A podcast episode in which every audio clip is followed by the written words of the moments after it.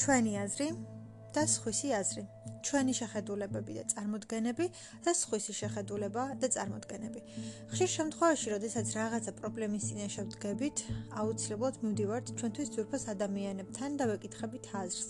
ვეკითხებით შეხედულებას, ვეკითხებით მათ წარმოდგენებზე, მოსაზრებებზე, რას ფიქრობენ, როგორ ფიქრობენ, რა და როგორ მიაჩნიათ სწორად და ვცდილობთ რომ გავითვალისწინოთ.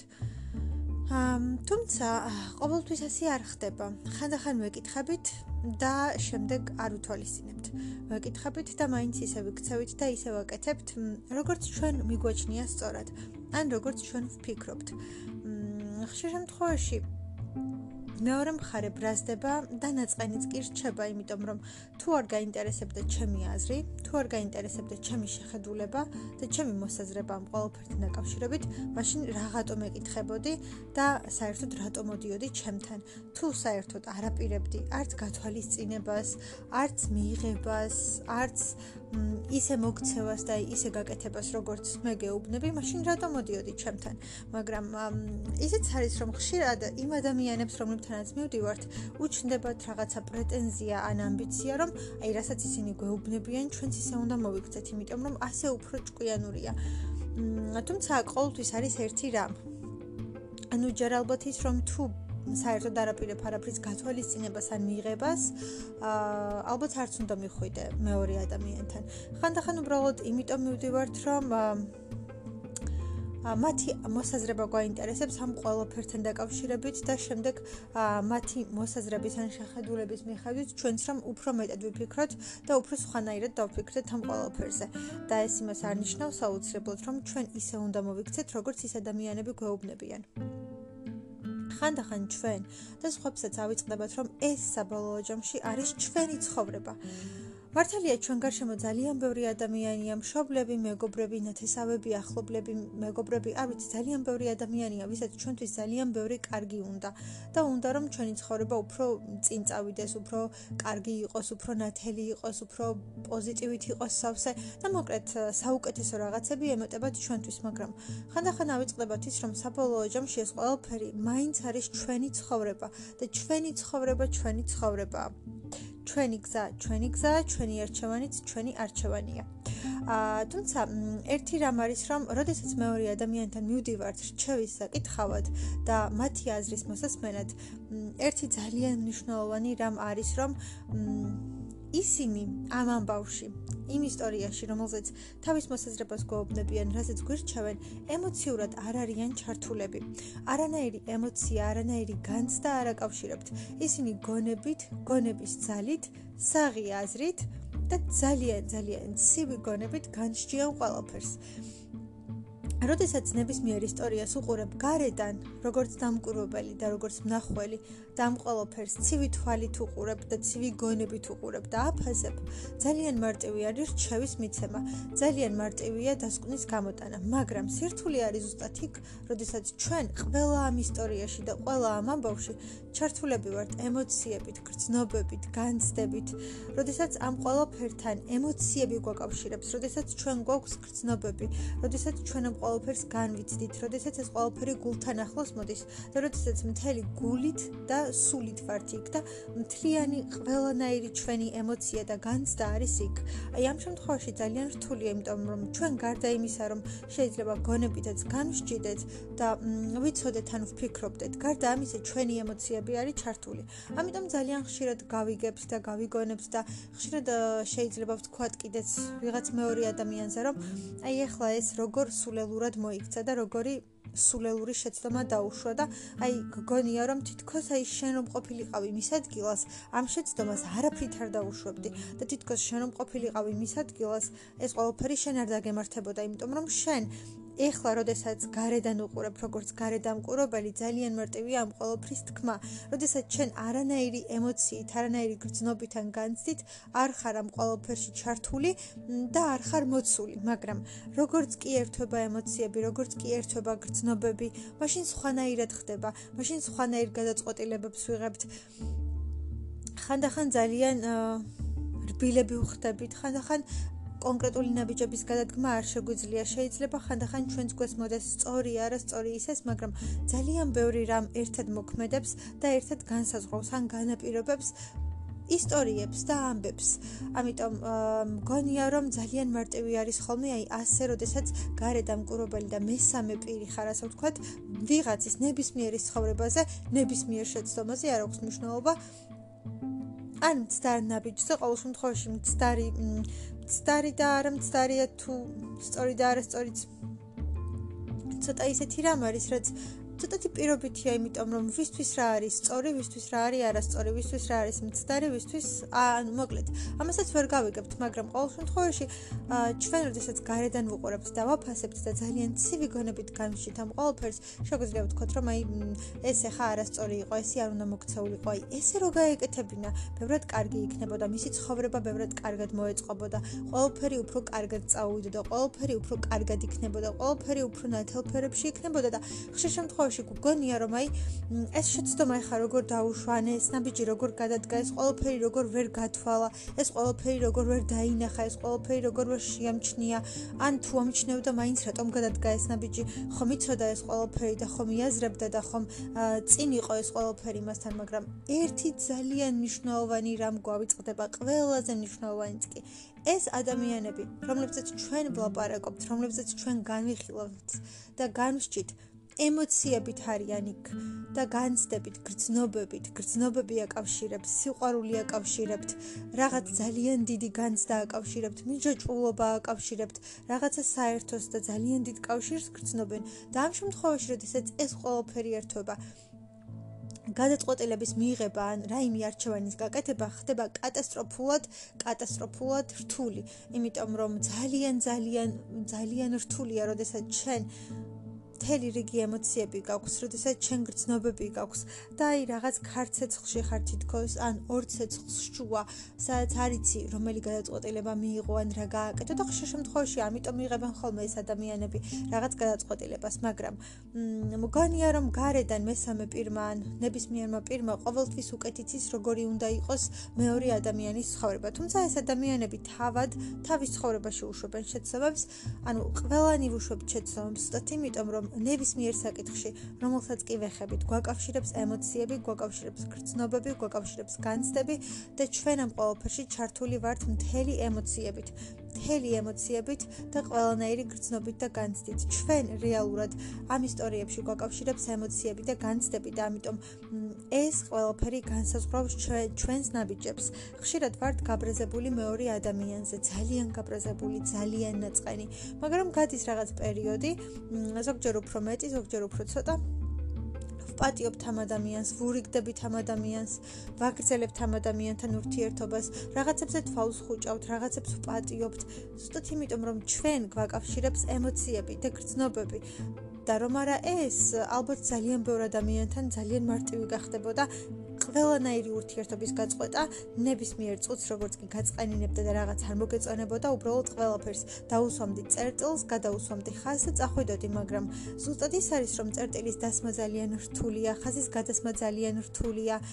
აი ესე გულიდან ამოგლეჯა ძალიან რთულია იმიტომ რომ შენ ეს ადამიანი გიყვარს. ის შენთვის არის ძვირფასი ის შენთვის არის გამორჩეული ის შენთვის არის განსაკუთრებული ის შენთვის არის გასაოცარი ის შენთვის ძალიან გამორჩეული ადამიანია და ასე არ შეგიძლია რომ მოიქცე. და ზუსტად ეს არის რომ ყოველმა ადამიანმა ძალიან კარგად იცის როგორ უნდა მოიქცეს მეორე ადამიანი, რა იქნებოდა სწორი, რა იქნებოდა მართებული, როგორ უნდა მოქცეულიყო, რომელი ქცევით ან რომელი ნაბიჯით წარიმართებოდა მისი ცხოვრება უკეთესობისკენ და რომელი ნაბიჯი შეცვლიდა მთელ მის ცხოვრებას ძალიან ძალიან სასიკეთოდ, მაგრამ როგორც კი ჩვენ ვდგებით ამ ყველაფერთან, როგორც კი ჩვენ ვდგავართ უკვე ამ ყველაფერთან, მაშინ ცოტათი უსუსურებით და ძალიან სუსტები ვხდებით. ну, ყველა არა, რა თქმა უნდა, იმიტომ რომ ზოგადად არიან ადამიანები, რომლებთანაც გონება უფრო მეტად ჭარბობს და უფრო მეტად ძლიერია ვიდრე გული და ადამიანები, რომლებიც არ იმართებიან, ასე ვთქვათ, ემოციებით და გრძნობებით და უფრო მეტად გონებით და ნებისმიერ სიტუაციაში, ისეთ სიტუაციაშიც კი, რომელიც გრძნობებს და ემოციებს და რაღაც განცდებს და რაღაც ასეთ მხარეს მოითხოვს, იქაც კი ძალიან ცივი გონებით შეუძლიათ რომ მიიღონ გადაწყვეტილება და აი ეს განსჯა, ასე ვთქვათ, ცივი გონებით განსჯა მაინც არ დაკარგონ. ну, აქ რა თქმა უნდა, ადამიანზეც არის დამოკიდებული და ეგეც ძალიან მნიშვნელოვანია, თუმცა თუმცა მგონია რომ ეს ყველაფერი არის ძალიან ძალიან მნიშვნელოვანი. გავითვალისწინოთ, დავფიქრდეთ და ყოველთვის გვახსოვდეს, როდესაც მეორე ადამიანს განვშჩით ან მის სიტუაციას, ან მის ცხოვრებას, ან მის რომელიმე კონკრეტულ ამბავს, გადაწყვეტილებას, ნაბიჯს, გვახსოვდეს რომ ეს ადამიანი ნებისმიერ შეცდომას უშვებდა იმიტომ რომ ამ ყოველფერში გრძნობები და ემოციები მოქმედებდა და ნებისმიერ გადაწყვეტილებაზე რაღაც გარკვეულწილად უბიძგებდა თავისი ემოციები, თავისი განცდები და ეს ყოველფერი ძალიან დიდ და მნიშვნელოვან როლს ასრულებდა მის ცხოვრებაში. და როდესაც ჩვენ გვგონია რომ აი ხა ესე როგორ მოიქცა ეს როგორ გააკეთა მის ადგილას რომ ყოფილიყავი მე ამას არასოდეს არ გავაკეთებდი და არ ვიზამდი, შეიძლება იგივე გაგვეკეთებინა, შეიძლება უარესი, შეიძლება არც გაგვეკეთებინა და ყველაზე კარგი გადაწყვეტილება მიგვეღო, მაგრამ მაგრამ ფაქტი არის ჩვენ, როდესაც ნებისმიერ სიტუაციას, რომელსაც კი გამსჯით, თუნდაც ეს ციგნი იყოს, ხომ? ადამიანებს რომ თავი დავანებოთ, რატომ არის ყოველფრის მიხვედრა ან დანახვა უფრო მარტივი, იმიტომ რომ ჩვენ ამ ციგნებსაც განვიხილავთ როგორც გარე მესამე პირი, რომელიც უბრალოდ ცივი გონებით განსჯის და კრიტიკაზე და ასე ვთქვათ განსჯაზე და ანალიზია მთლიანად ეს ყოველფერი დამყარებული და იგივენაირად ჩვენ შეგვიძლია გავამტყუნოთ, გავამართლოთ ნებისმიერი პერსონაჟი, ნებისმიერი გმირი, იმიტომ რომ ჩვენ მათ გრძნობებს და ემოციებს გარედან განვშჩით და თითქოს ავწონით ხოლმე, მაგრამ რეალურად, როდესაც როდესაც რეალურ გადაწყვეტილებებს ეხება საქმე, საკმაოდ რთული არის ხოლმე. ნებისმიერი ადამიანის ცხოვრებაზე, როდესაც რაღაცას ვამბობთ, უნდა გვახსოვდეს, რომ ამ ადამიანებს რეალურად ემოციები, გრძნობები და განცდები აკავშირებთ ყველა იმ მომენტთან და ამბავთან, როდესაც ისინი რაიმეს აკეთებენ და რაიმე გადაწყვეტილებას იღებენ. და ჩვენ როდესაც გვგონია, რომ ჩვენ ასე არ მოვიქცეოდით და ვაიმე ეს როგორი ტუტუცია და ეს როგორ გააკეთა და ეს როგორ ჩაიდინა. ეს უბრალოდ ჩვენი მოსაზრებებია, როდესაც უბრალოდ ამას ცივი გონებით განვშჭით. მაგრამ რეალურად მის ადგილას რომ ვიყოთ, რეალურად უფრო კარგად რომ წარმოვიდგინოთ თავი მათ ადგილას, კი, ხშირ შემთხვევაში ადამიანები ძალიან ბევრ შეცდომას უშვებენ. ხშირ შემთხვევაში იღებენ ისეთ გადაწყვეტილებას გარედან მართლაც რომ ხედავ და აი როგორ ანადგურებს რაღაცას, ან ინგრევს ცხოვრებას, ან როგორ შეუძლია რომ თავის ცხოვრება უკეთესისკენ წაიყვანოს და რაღაცა უარესისკენ მიყავს. ყოველ შემთხვევაში ძალიან კარგი გადაწყვეტილება არ იყო ახლა მისთვის და მისი ცხოვრებისთვის, მაგრამ მან მაინც ეს არჩევანი გააკეთა და ჩვენ ხანდახან ვბრაზობთ, ხანდახან ძალიან ვბრაზობთ, ხანდახან ძალიან გვწყინს, ხანდახან ძალიან არ მოგწონს, არ ვეთანხმებით და ასე შემდეგ და ასე შემდეგ, მაგრამ ერთი გვავიწყდება, რომ საბოლოო ჯამში ეს ყველაფერი არის მათი ცხოვრება, მათი ცხოვრება და მათი გადასაწყვეტი. და ერთი რამ გვავიწყდება კიდევ, რაც ძალიან მნიშვნელოვანია, რომ რაც არ უნდა იყოს, ჩვენ ვერავის ცხოვრებით ვერ ვიცხოვრებთ. ჩვენ ერთი ჩვენი ცხოვრება გვაქვს მოცემული. ვერ სხვა ადამიანი ვერ იცხოვრებს მუდმივად ჩვენი აზრებით და ჩვენი გადაწყვეტილებებით. ნებისმიერ ადამიანს აქვს თავის ცხოვრება. აქვს თავის გზა და აქვს თავისი არჩევანი. შესაბამისად, ჩვენ გარედან უბრალოდ განვშჭით და ვამბობთ ჩვენს მოსაზრებას, ჩვენ აზრს, შეიძლება ძალიან ძალიან სწორსაც კი და 100%-ით და უფრო მეტით სწორსაც კი, მაგრამ მათ ადგილას არ ვართ რეალურად, ვერ ვართ. არც ის ემოციები და გრძნობები გვაქვს, რაც მას აქვს. არც ემოციური მიჯაჭვულობა გვაკავშირებს რაიმესთან, როგორც ეს მას შეიძლება ჰქონდეს და ნებისმიერ შემთხვევაში ეს არის მათი ცხოვრება, მათი ცხოვრება, მათი არჩევანი, მათი ემოციები, მათი გრძნობები, მათი განცდები, მათი დამოკიდებულება და უბრალოდ მათ იმ შემთხვევაში ალბათ სხვანაირად არ შეეძლოთ. ან იყო რაღაც, რამაც ძალიან გადაწონა და რამაც ძალიან ბევრი რამ განაპირობა. ამიტომ მგონია რომ შესაძაც ჩვენ გარედან რაღაცაზე საუბრობთ, განვჭით, განვიხილავთ, ძალიან მარტივი არის რაღაცების თქმა, ძალიან მარტივი არის გადაწყვეტილების მიღებაც, ძალიან მარტივია ძალიან მარტივია ბევრი რამ, მაგრამ როგორც კი მათ ადგილას აღმოჩნდებით, როგორც კი აა როგორც კი მათ ადგილას დავაყენებთ თავს, ბევრი რამ და ძალიან ბევრი რამ უფრო რთული არის ხოლმე და არც ისეთი მარტივი აღარ ჩანს, როგორც ეს გარედან ჩანდა. და ხშირ შემთხვევაში ყველაზე მეტად გვავიწყდება, როდესაც ხობზე ვამბობთ, რომ შეცდომა დაუშვა, სულელური გადაწყვეტილება მიიღო, ეს რატომ გააკეთა, ესე როგორ მოიქცა, ეს როგორ ვერ დაინახა, ამ ყოველფერს როგორ ვერ ხედავდა. უნდა გვახსოვდეს, რომ ჩვენ განვშით გარედან ემოციების გარეშე. ემოციები, როდესაც გაკავშირებს და როდესაც იქ ერთვება, ყველაფერი სხვანაირად მიდის და სხვანაირად წარიმართება, ამიტომ გარედან მოვლენების და სიტუაციების აღქმა ან განსჯა ბევრად მარტივია, ვიდრე რეალურად იყოფნა და ამ ყოველფრის რეალურად შეგრძნება. და მეორე, აა როგორც არ უნდა ეცოდოს ადამიანი რომ გადმოგცემს თავისი ემოციები, გრძნობები და განცდები, საბოლოო ჯამში მაინც ძალიან რთულია.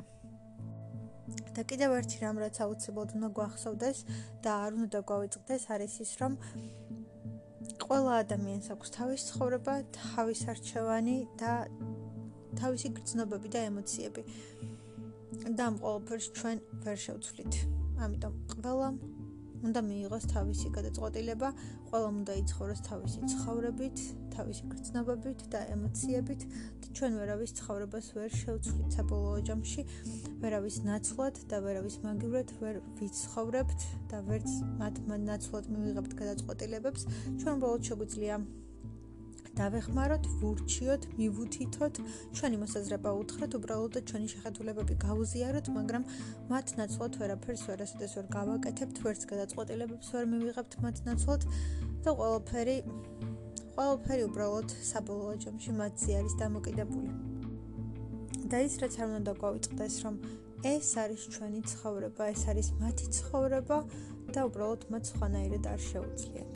და თუ უფრო მეტად გამგები და მიმღები ვიქნებით რაღაცების და თუ უფრო მეტად შევეცდებით, რომ მათი გადმოსახედიდან შევხედოთ, განვსაჯოთ, ან დავინახოთ, ან გავაანალიზოთ, უფრო კარგი იქნება ჩვენთვისაც და მათთვისაც და უფრო ნაკლებად განვიკითხავთ ალბათ, უფრო ნაკლებად განვსჭით და უფრო ნაკლებად ვიქნებით იმ პოზიციაში, როდესაც ვერაფრით ვერ ვიღებთ, ან როდესაც ვერაფრით ვერ გვესმის ეს, რატო ან როგორ ჩაიდინა.